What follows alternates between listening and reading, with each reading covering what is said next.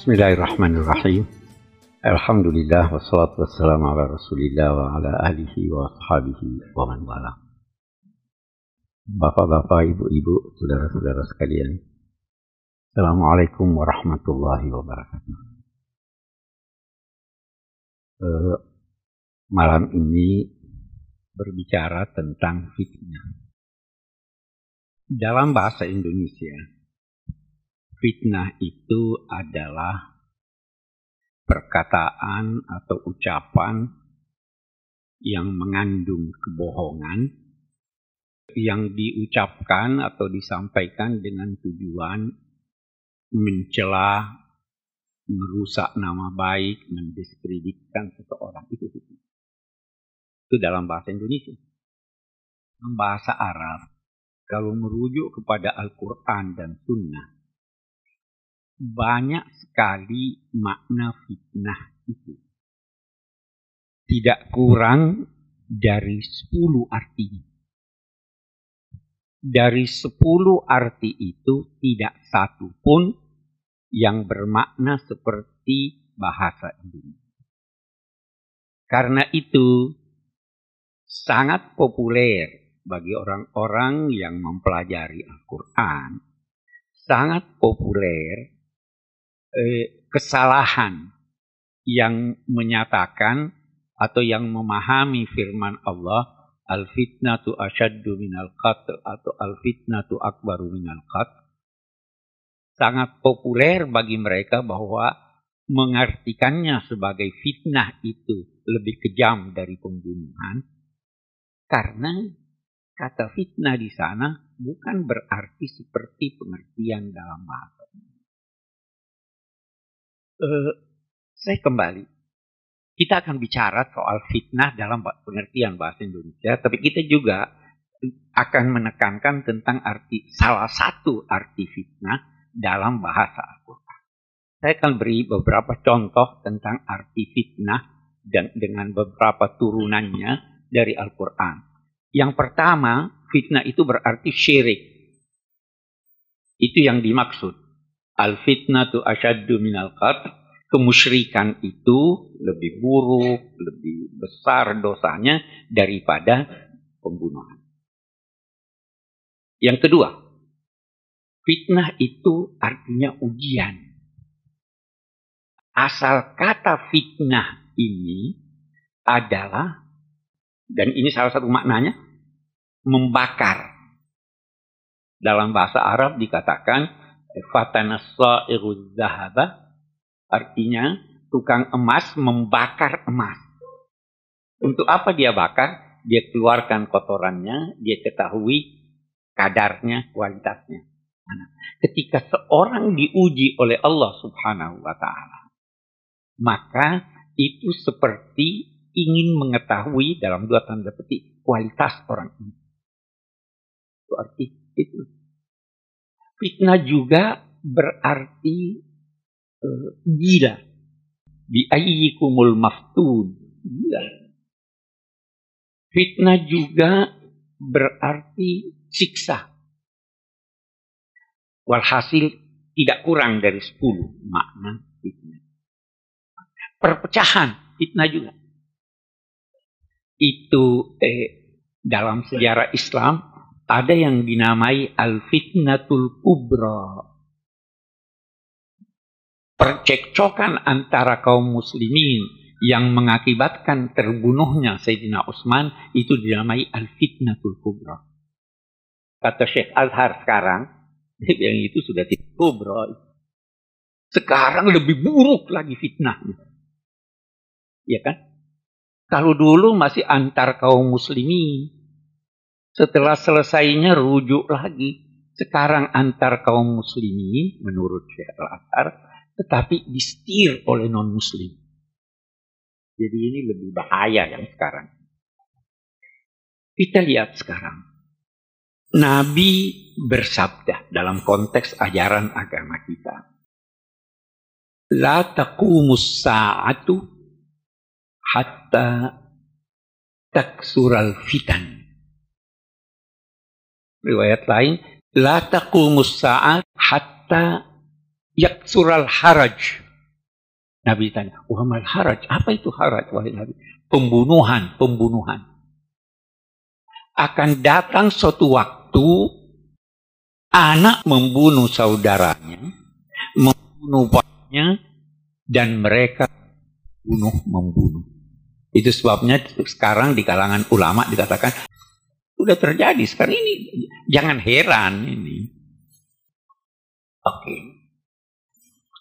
Yang jelas kita di dunia Islam, termasuk di Indonesia, fitnah itu banyak sekali. Bukan cuma fitnah dalam pengertian bahasa Indonesia. Kriminalisasi itu fitnah. Ya kan? Kita tidak bicara siapa yang dikriminalisasi atau tidak. Tapi itu fitnah. Kita sekarang juga di dunia Islam, Indonesia pun termasuk, dan bisa terbakar juga seperti terbakarnya di Syria dan di Irak, seperti sekarang ini terbakar di Yaman, eh, bisa di Indonesia, bisa sekali. Eh, kita kembali melihat fitnah. Eh, kita mau lihat dulu apa yang terjadi di sekitar kita, kawasan kita melihat kejadian-kejadian yang terjadi. Yang terakhir yang terjadi di Yaman. Ada tiga sikap, ada tiga macam sikap yang kita bisa tarik dari Al-Quran dan Sunnah. Mestinya setiap sikap itu harus disesuaikan dengan kondisi situasi yang objektif. Sehingga bisa jadi sikap di suatu tempat yang kondisinya berbeda dengan kondisi kita, sehingga sikap yang mereka ambil bisa berbeda dengan sikap. Apa tiga sikap itu? Yang pertama kita baca dari Al-Quran. Menarik ini. Itu di surat Al-Hujurat. Wa in ta'ifatani minal mu'minina iqtatalu fa aslihu bainahuma fa in baghat ihdahuma 'ala al-ukhra faqatilul lati tabghi hatta tafi'a ila amrillah fa in fa'at fa aslihu bainahuma baru dia tambah bil adli. Kita lihat ini redaksi. Kalau ada dua kelompok dari umat Islam yang Iktatalu itu bukan berperang. Cekcok. Jadi belum sampai pada tingkat perang. Cekcok. Itu menurut riwayat berkelahi saling melempar alas kaki. Inta ifatani minal mu'minina iktatalu wa aslihu bainahum. Ah, ini sikap pertama. Lakukanlah islah antar Baru. Fa imbagat ihdahuma alal ukhra kalau salah satu kelompok itu melampaui batas yang ditetapkan Allah. Qatilul lati tabri. Qatilu perangi. Tindak keras. Ini biasa orang kalau eh, mendengar kata eh, qatilu eh, eh, eh, eh uqtulu eh, eh, qatalu qatilu itu dia persamakan semuanya dianggap bunuh. Qatilu itu artinya perang.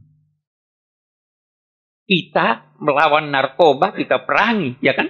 Kemiskinan kita perangi. Jadi jangan artikan bahwa perang itu lantas dapat senjata.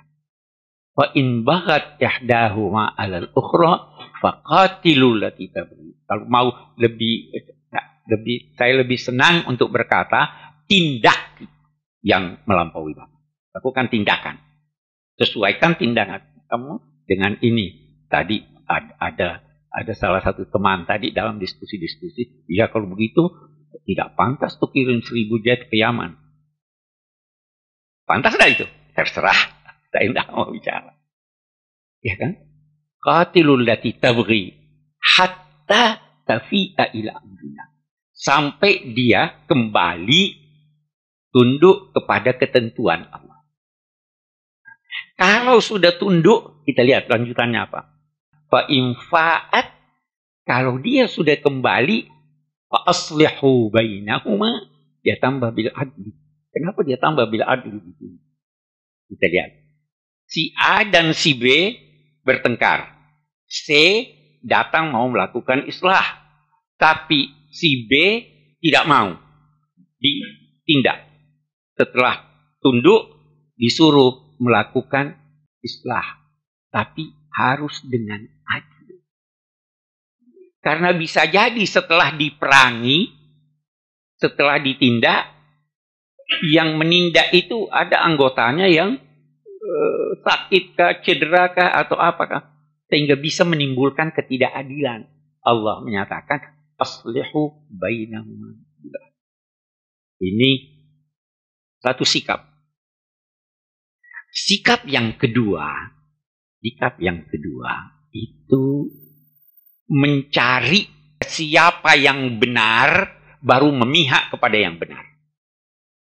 Nah, ini eh, itu tadi qatilul tabligh. Perangi itu yang. Tapi kalau tidak tahu siapa yang benar, bagaimana sikap? Sikap yang ketiga itu tinggalkan. Jangan terlibat. Itu ulama besar di Hadramaut. Itu Habib Umar ambil sikap ini kan.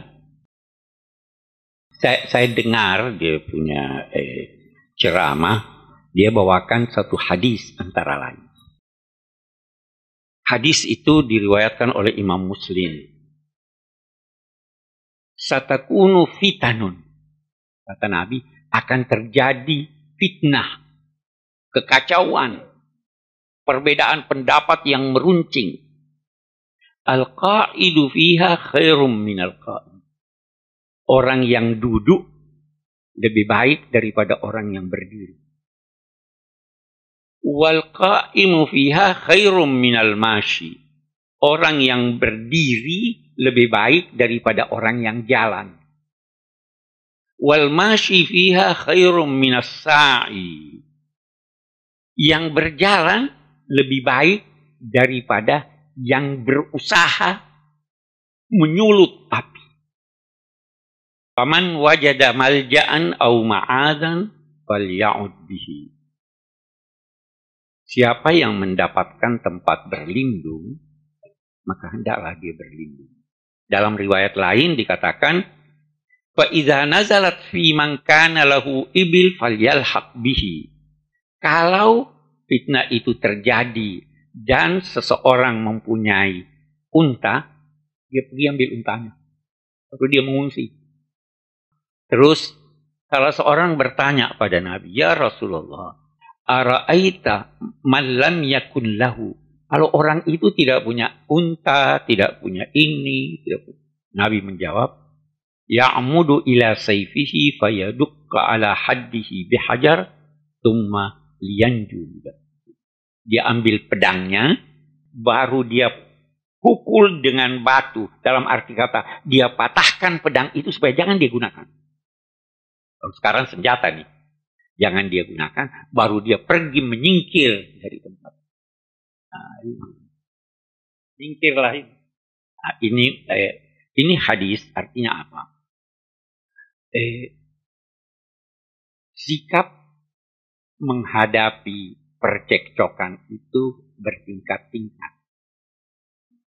Tingkat yang paling buruk adalah yang menyulut api yang menanam benih-benih perpecahan.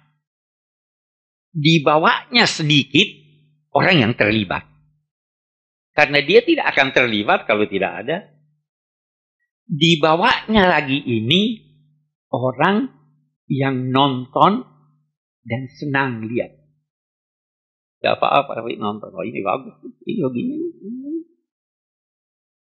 Yang paling aman tidur.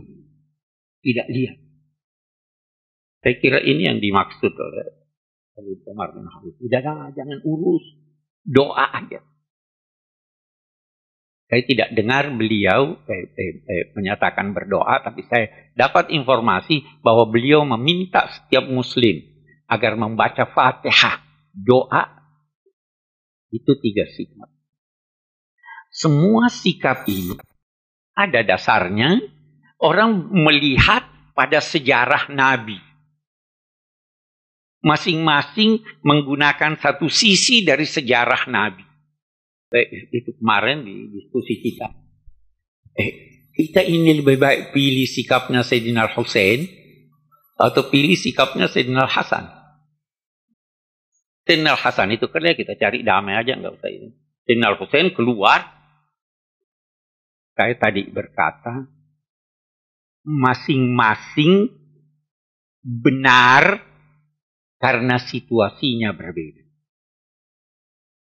Di di buku-buku yang berbicara tentang ini juga yang yang mendukung sikap bahwa udah deh kita diam aja, kita doa aja, kita ini aja.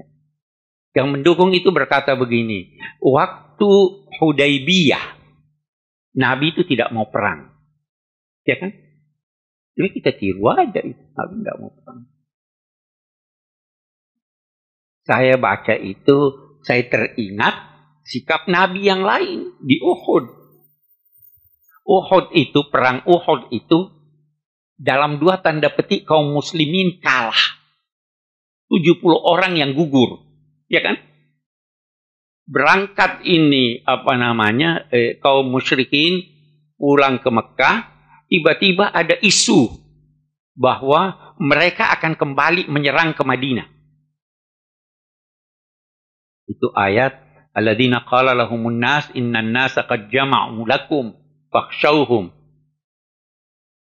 Ada orang-orang yang menyampaikan bahwa sekarang kaum musyrik itu sudah berkumpul mau menyerang kalian. Lagi. Takutlah. Hasbunallah. Nabi waktu dengar itu, Bagaimana sikapnya? Beliau berkata, siapa yang ikut kita kemarin waktu perang Uhud, sekarang semua harus ikut menghadapi mereka. Yang yang luka parah semua harus ikut dan tidak ada seorang pun dari Madinah yang tidak ikut boleh ikut gitu. Ini mau perang atau tidak? Waktunya. Tapi kita lihat lebih jauh keberanian itu bukannya melakukan suatu tindakan yang sudah jelas resikonya. Bukan juga eh, melakukan suatu kegiatan yang tidak ada resikonya. Keberanian itu adalah melakukan suatu kegiatan setelah memperhitungkan resikonya. Ada resikonya. Memperhitungkan resikonya. Lalu mengambil sikap yang resikonya lebih kecil daripada apa yang diharapkan. Kita belum ada perang. Tapi ada resiko enggak yang dihadapi kalau eh, menang ini orang-orang yang mau yang menyulut ini. Oh, risikonya besar sekali itu kan. Sangat besar. Bisa terjadi perang saudara. Seperti halnya di Yaman. Seperti halnya di Suriah. Ini tidak bisa didiamkan. Harus ada keberanian untuk itu. Eh, kita kembali. Jadi eh, eh, itu tiga sikap. Atau saya pindah sekarang. Kita lihat di Indonesia. Penyulut fitnah ada enggak? Bagaimana sikap Anda? Itu ada tiga. Dia mau diam. Lihat risikonya bilang. Itu ada ungkapan. E, diam itu emas. Ya.